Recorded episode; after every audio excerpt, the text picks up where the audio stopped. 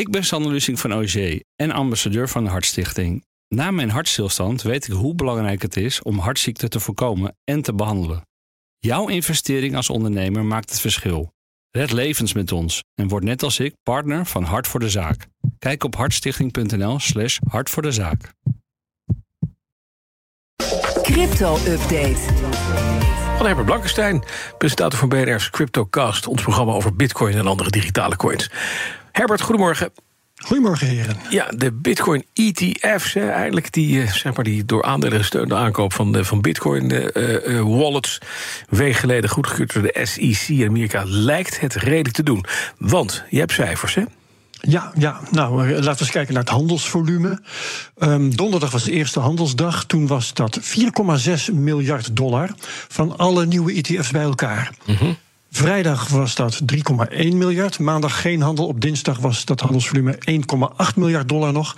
Denk je nou, dat zakt. Maar dat was dus wel drie keer zo groot als het handelsvolume op diezelfde dinsdag van alle 500 nieuwe ETF's van 2023 bij elkaar. Oké. Dus het is nog wel onderweg naar een evenwicht, maar het is heel erg veel en het zal het ook blijven, denk ik. Ja, nou zegt Hans Volume niet alles. Aandelen kunnen in één dag meer dan eens worden verhandeld. Maar hoeveel nul geld, want dat is wel belangrijk, hè, is er in Bitcoin-ETF's gestoken? Is dat te zeggen? Ja. Ja, daar kun je ook interessante dingen over zeggen. Uh, tot en met dinsdag gingen netto 900 miljoen dollar naar die ETF's. Dat is 21.000 bitcoins. En dan is van uh, die ETF's de grote winnaar BlackRock. Dat incasseert meer dan 16.000 bitcoins. Tweede is Fidelity met iets meer dan 12.000 bitcoins. Dan denk je, hey, dit is meer dan het totaal, daar kunnen we het zo over hebben. Um, laat ik het eerst vergelijken met de 189.000 bitcoins die MicroStrategy heeft. Dat is, je weet nog, het eerste beursgenoteerde bedrijf dat bitcoins op zijn balans heeft gezet. Ja. MicroStrategy heeft bijna een vol procent van alle bitcoins ter wereld in bezit. BlackRock, om als voorbeeld te noemen, heeft er nu na drie handelsdagen dus 16.000. En in dat tempo van nu zou BlackRock MicroStrategy in een paar weken tijd kunnen inhalen. Ja, ja als we dat tempo volhouden, maar het volume loopt nu al terug. Ja, dat klopt. En dat, dat zien we nog wel waar dat uh, eindigt.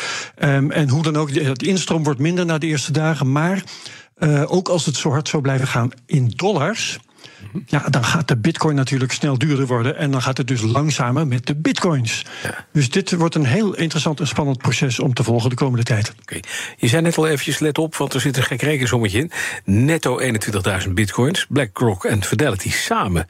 Ja, die komen al tot 16 eh, plus 12 is 28.000. Dan moet er dus ergens iemand verliezen. Ja, die is er. Uh, alle ETF's bij elkaar hebben uh, ongeveer 46.000 bitcoins binnengehaald. Dat is 2 miljard dollars ongeveer.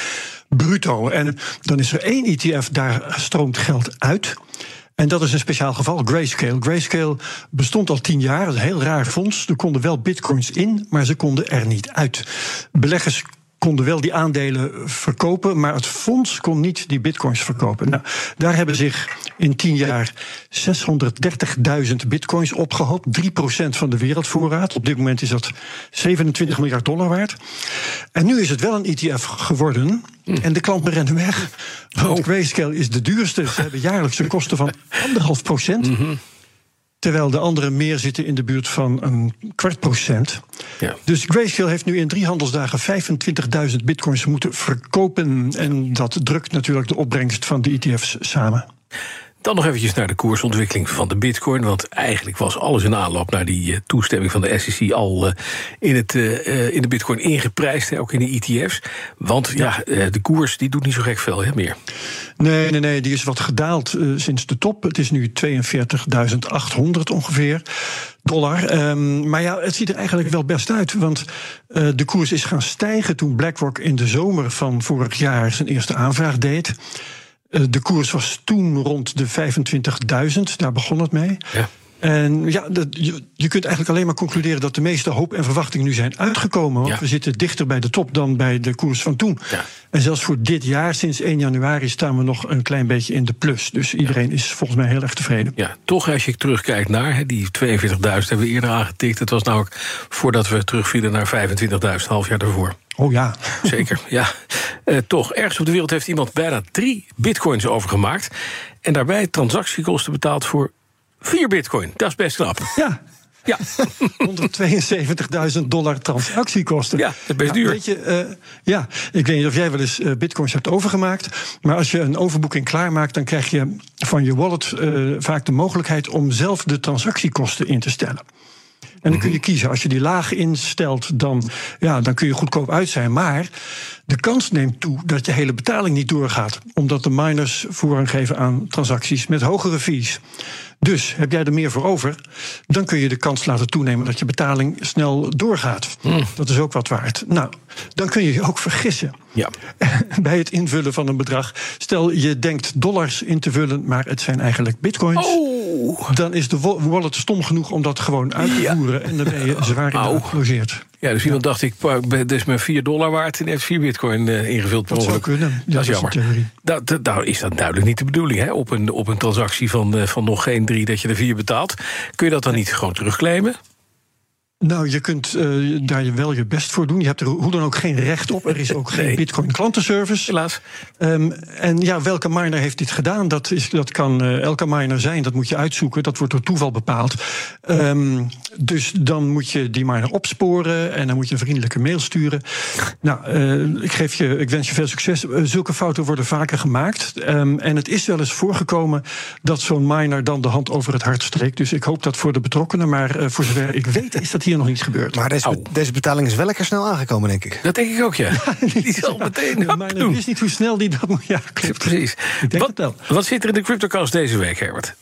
We duiken nog eens een keertje in de ETF's met een uh, grote kenner, Martijn Rozemuller. Hij is CEO van Van Eck Europa. Um, een van de ETF's in de VS is van Van Eck. En uh, in Europa hebben ze al een hele tijd iets soortgelijks. Die heet een ETN's, Exchange, Traded Notes. Verschilt iets van ETF's, maar volgt wel gewoon de Bitcoin-koers. Dat verschil gaan we bespreken. Ook de kosten, want die zijn een kwart procent in de VS, maar 1% in, in Europa. Hoe zit dat nou weer? Hoe gaat dit hele gedoe het cryptolandschap veranderen? En uh, voor de toekomst ook interessant. Martijn voorziet naast crypto in aandelenvorm, ETF's, ook aandelen in cryptovorm, tokenisering. Mooi, gaan we het over hebben vanmiddag inderdaad in de CryptoCast. Deze week uh, van de hand van Herbert Blankenstein. En die kun je horen via de BNR-app, bnr.nl... of de podcast-app die jij uh, als voorkeur-app hebt. Nog even, totdat je overstapt naar een echte. Crypto Update wordt mede mogelijk gemaakt door Bitfavo, de crypto-exchange van Nederland. Ik ben Sander Lusing van OG en ambassadeur van de Hartstichting. Na mijn hartstilstand weet ik hoe belangrijk het is om hartziekten te voorkomen en te behandelen. Jouw investering als ondernemer maakt het verschil. Red levens met ons en word net als ik partner van Hart voor de Zaak. Kijk op hartstichting.nl/slash hart voor de zaak.